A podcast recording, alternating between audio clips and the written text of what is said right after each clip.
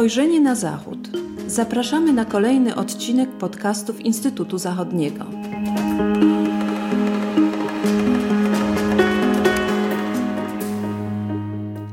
Dzień dobry, z tej strony Agata Kołabunowska. Witam Państwa w kolejnym odcinku podcastów Instytutu Zachodniego. Dzisiaj jest ze mną Patrycja Teper, analityczka Instytutu Zachodniego, a tematem naszej rozmowy będzie sytuacja wewnątrz Socjaldemokratycznej Partii Niemiec, SPD, po słynnym już przemówieniu kanclerza Olafa Scholza, jakie miało miejsce w niedzielę 27 lutego 2022 roku w Bundestagu. W swoim wystąpieniu Scholz zapowiedział przeznaczenie 100 miliardów euro oraz stałych 2% PKB na wzmocnienie niemieckiej armii, a także zmiany w niemieckiej polityce energetycznej, które muszą nastąpić, aby uniezależnić Niemcy od dostaw e, gazu z Rosji. O tym, jak istotną zmianę w niemieckiej polityce zagranicznej i bezpieczeństwa stanowiło to wystąpienie, mówiliśmy w 45. odcinku podcastów Instytutu Zachodniego. Dzisiaj chciałobyśmy się przyjrzeć samej SPD, ponieważ dla wielu osób związanych z tą partią nadeszły czasy, w których muszą przedefiniować swój dotychczasowy stosunek do e, projektu Nord Stream 2 czy do samej Rosji. Media zalały artykuły o członkach partii, których nazywano do tej pory Russland Versteher, na czele z byłym kanclerzem Niemiec Gerhardem Schröderem oraz Manuelą Szwezik, premier e, landu Mecklenburgia Pomorze Przednie, w którym to landzie kończą się właśnie gazociągi Nord Stream, Nord Stream 1 oraz Nord Stream 2. E, Patrycy, zacznijmy może od samego Gerharda Schrödera, który właśnie znajduje się na czele tych Russland Versteher. Jakich rozstrzygnięć można się spodziewać w najbliższym czasie w stosunku do byłego kanclerza Niemiec, który no, zdaje się sprawiać teraz partii e, sporych kłopotów? Tak.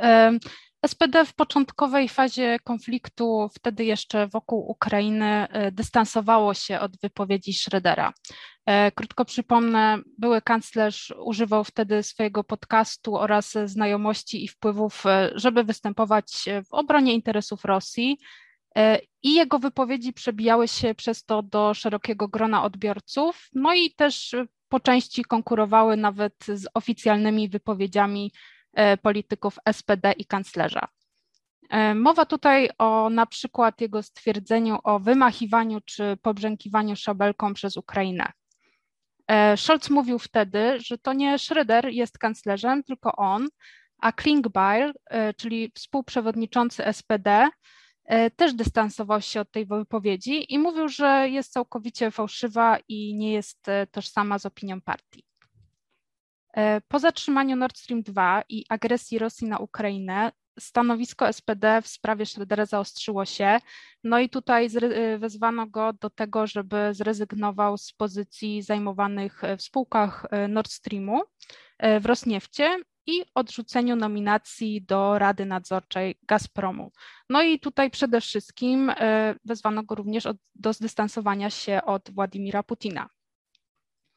E, od tego czasu jedyną reakcją Schroedera była wypowiedź na LinkedInie, w której e, napisał, że trzeba natychmiast zakończyć wojnę i, i że też dodał tutaj, że to jest odpowiedzialność e, rosyjskiego rządu. Tak niejednoznacznie. Napisał też, że dużo zostało powiedziane o błędach i zaniedbaniach w relacjach Zachodu z Rosją i że też spoglądając na przyszłość trzeba uważać, żeby przy okazji e, obecnie no, koniecznych sankcji nie zniszczyć e, wszystkich relacji gospodarczych, społecznych i politycznych, e, ponieważ one w przyszłości będą dawały jeszcze jakąś nadzieję na dialog na naszym kontynencie. I od tej pory Schroeder nadal nie zrezygnował z pozycji w rosyjskich spółkach.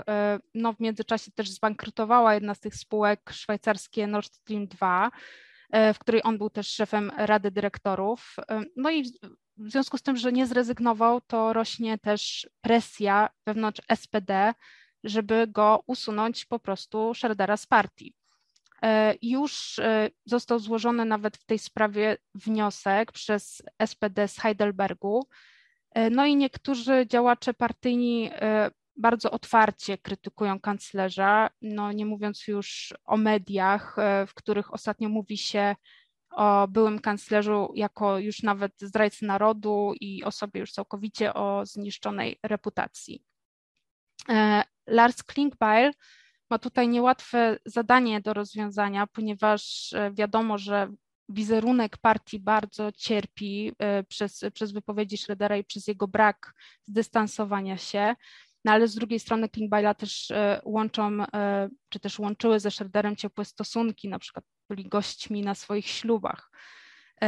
Też Klingbeil pracował w biurze wyborczym Schroedera, także oni się znają od wielu lat.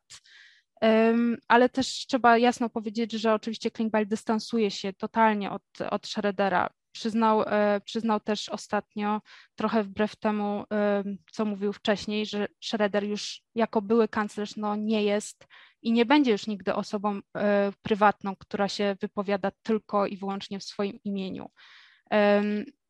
Wydaje się tutaj, ja to tak przynajmniej odbieram i też, też można znaleźć potwierdzenie tego w mediach, że zrezygnowanie z tych pozycji zajmowanych w rosyjskich spółkach przez Schroedera było rodzajem postawionego ultimatum, e, które, które też cała partia Klingbeil postawili, postawili Schroederowi. Są też takie przecieki, których wynik, z których wynika, że Klingbeil e, na ostatnim posiedzeniu frakcji miał powiedzieć, że teraz e, piłka jest po stronie Schroedera i że zegar tyka, czyli że być może, być może tutaj czas odgrywa rolę i będzie jakiś moment, do którego, do którego partia będzie czekała, aż e, Schroeder zrezygnuje, a później zobaczymy, być może oficjalnie mm, zostanie rozpoczęta procedura wykluczenia go z partii. E, jeszcze Jusos wczoraj, czyli 3 marca, młodzieżówka SPD mm, opublikowała na Twitterze informację, że oni uważą, uważają, że Schroeder i jego zdystansowanie się od Putina w ten sposób, w jaki to zrobił, czyli jedną krótką właściwie wypowiedzią na LinkedInie, w dodatku nie taką jednoznaczną, że to zdystansowanie absolutnie nie wystarczy i oni, e, ta młodzieżówka, oczekują, że Schroeder być może sam nawet e, odejdzie z partii. Tutaj jeszcze chciałam dodać, że w ostatnim w ostatnim czasie byłego kanclerza opuścili wszyscy e, około czterech pracowników, e, którzy byli z nim związani od nawet niektórzy od 20 lat. Ci pracownicy byli finansowani z budżetu państwa, po prostu przysługują mu pewne przywileje w związku z urzędem kanclerskim, który sprawował. E, też zostały ogłoszone szereg, szereg informacji na temat wykluczenia go z różnych spółek, których nawet nie wiedzieliśmy, że, że był, pełnił jakieś e, funkcje, którym był konsultantem na przykład. Nie będzie też e, kontynuowany jego podcast, w którym właśnie mówił o pobrzękiwaniu szabelką przez Ukrainę. Także on jest po prostu już wykluczany przez e, wiele kręgów i mówi się o tym, że powoli jest wręcz e, persona non grata i, i tak też SPD, SPD się wypowiada, że po prostu Schroeder w swoich opiniach jest osamotniony, jeżeli, jeżeli bierzemy pod uwagę partię i że mm, jest całkowicie izolowany. Drugim takim ogniskiem problemów dla SPD zdaje się być Mecklenburgia Pomorze Przednie.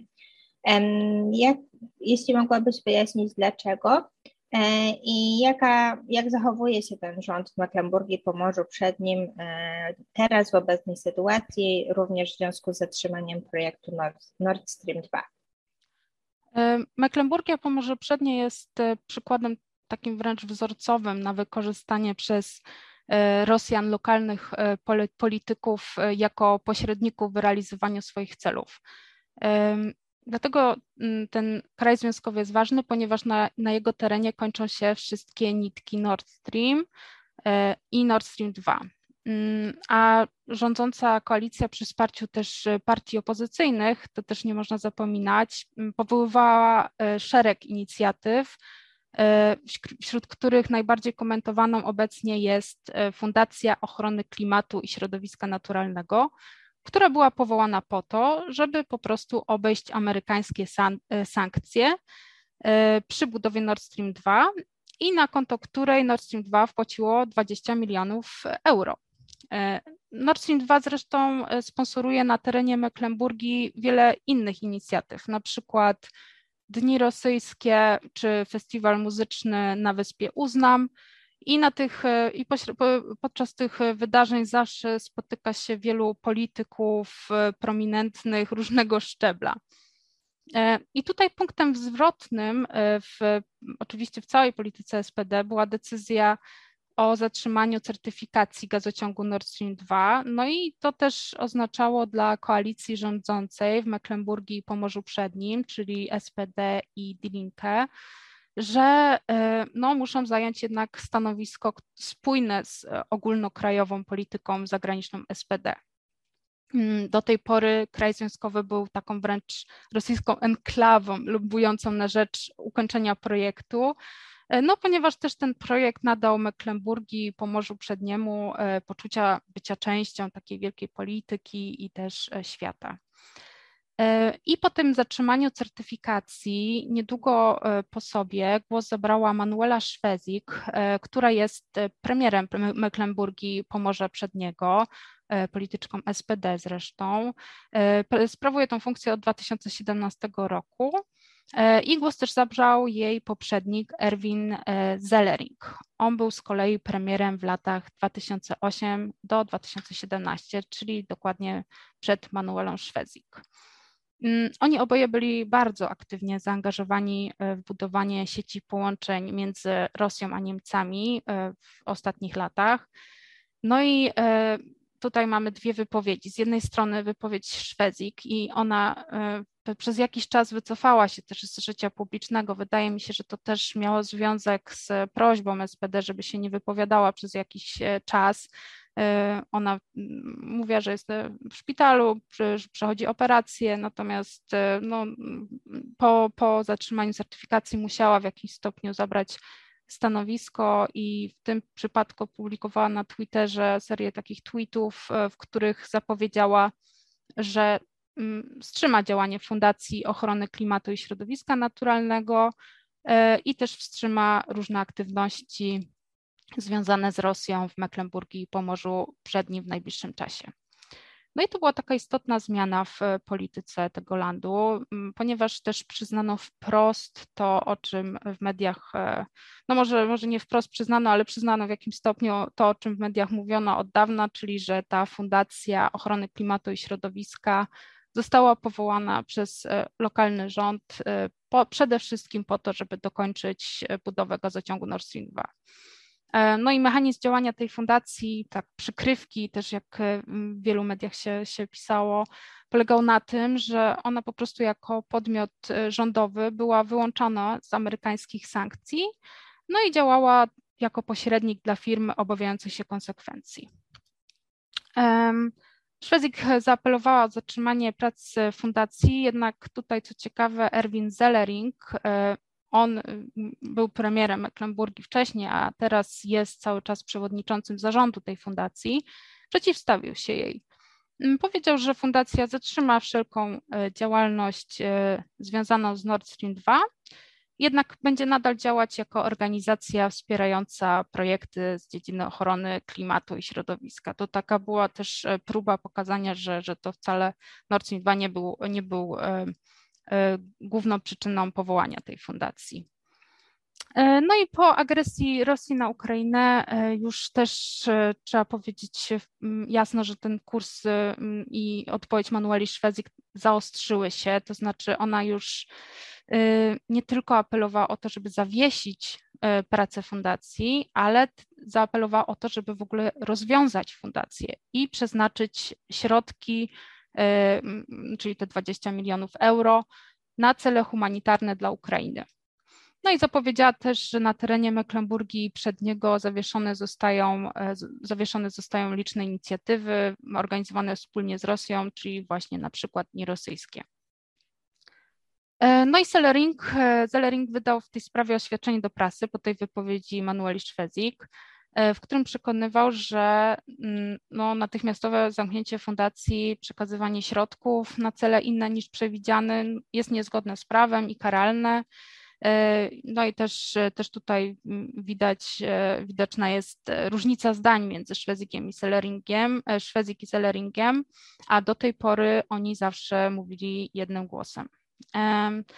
W Landtagu odbyło się też e, specjalne posiedzenie na wniosek e, partii opozycyjnych, e, w którym, podczas którego wypowiadano się na temat konieczności zmiany po prostu w lokalnej polityce. W czasie tego posiedzenia padły wzajemne oskarżenia, w których mówiono o tym, że uchwały dotyczące rozpoczęcia działania fundacji były przyjmowane prawie jednogłośnie i że też CDU wiedziało, po co jest powoływana. Natomiast obecnie przedstawiciele partii Zielonych Sojuszu 90 y, i CD uważają, że ujawnienie wszystkich, y, wszystkich działalności fundacji, y, jakie fundacja podjęła na rzecz Nord Stream 2 byłoby konieczne. No i, no i zobaczymy, tej transparentności faktycznie zabrakło, zobaczymy jak się temat dalej potoczy, bo to jest dopiero na pewno początek w definiowaniu nowej drogi w lokalnej polityce. E, czy ktoś jeszcze e, z szeregów SPD znalazł się obecnie w centrum uwagi? Tak jak już e, opowiedziałyśmy, miało to miejsce w przypadku Schroedera i Manueli Szwezik. I jeszcze kończąc, może dodatkowo takie pytanie, jak prognozujesz, jak te wszystkie konflikty mogłyby się skończyć dla tej partii? Czy jest, czy ona się w jakiś sposób podzieli wokół tej rosyjskiej kwestii? Mhm. E, zaczynając e, od, e, od osób, które jeszcze znalazły się w centrum uwagi, to wydaje mi się, że, mm, że, że warto dodać tutaj Matiasa Placeka. On był przewodniczącym SPD w latach 2004-2005 i też przez wiele lat był premierem Brandenburgii od 2002 do 2013. E, no i też do bardzo niedawna Placek był też takim czołowym e, Ruslan Feszczeje, mm, zawsze, zawsze wspierał tą e, linię rosyjską argumentacji i był też do bardzo niedawna przewodniczącym Forum Niemiecko-Rosyjskiego i kilka dni po, w obliczu agresji Rosji na Ukrainę ogłosił, że rezygnuje z pozycji bycia przewodniczącym tego forum. E, Placek był już wielokrotnie krytykowany za swoje wypowiedzi, na przykład e, w 2014 roku po aneksji Krymu przez Rosję e, Placek wypowiedział się, że no, trzeba uregulować kwestie, te kwestie prawem międzynarodowym, żeby mogła być uznana przez każdą stronę. No i tutaj te i inne podobne prorosyjskie wypowiedzi spotkał się z bardzo dużą krytyką.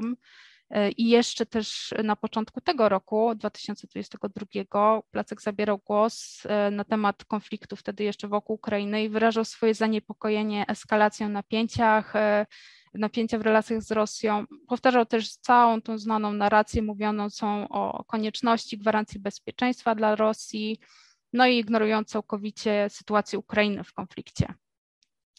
Niemiecka agencja prasowa wymieniała także nazwisko Placeka przy okazji kontrowersyjnego spotkania Schroedera, który na początku roku spotkał się z politykami SPD. E, no i też tutaj trzeba powiedzieć, że Placek e, zdystansował się od, od polityki Rosji, przyznał się do błędu i mówi, że to była z jego perspektywy być może zła ocena, jeżeli chodzi o Putina i politykę Rosji, no i też zdystansował się do swoich wcześniejszych poglądów. Jeżeli chodzi o moją ocenę, e, jak, jak się potoczą loty właśnie Rusland Feszczeje i jak się potoczy, jak, jaka będzie, jakie będzie stanowisko partii, wydaje mi się, że tutaj e, ze strony SPD padło pewien rodzaj ultimatum wobec osób określanych wcześniej Rusland Feszczeje. Chciałam jeszcze dodać, że teraz się już bardziej mówi Putin Feszczeje, a nawet Schröder Feszczeje.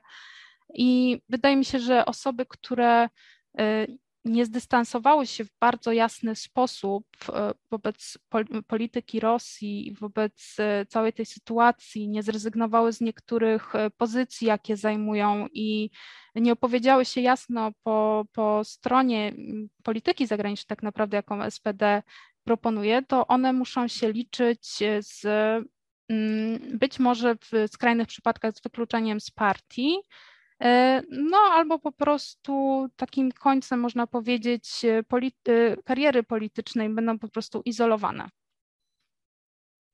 Z pewnością będziemy się dalej przyglądać temu, w jaki sposób SPD będzie przeprowadzała ten proces przeorientowania w polityce wobec Rosji i jakie to skutki przyniesie dla osób, polityków, których no, wizerunek e, w związku z tymi kontaktami z Rosją w jakiś sposób się obecnie skomplikował. Bardzo Ci dziękuję Patrycjo za rozmowę. Państwu serdecznie dziękujemy za uwagę i zapraszamy do słuchania kolejnych odcinków podcastów Instytutu Zachodniego. A żeby żadnego z tych odcinków nie przegapić, to zachęcam również do zasubskrybowania naszych kanałów na YouTube, Spotify, SoundCloud i Apple Podcasts. E, dziękuję i do usłyszenia.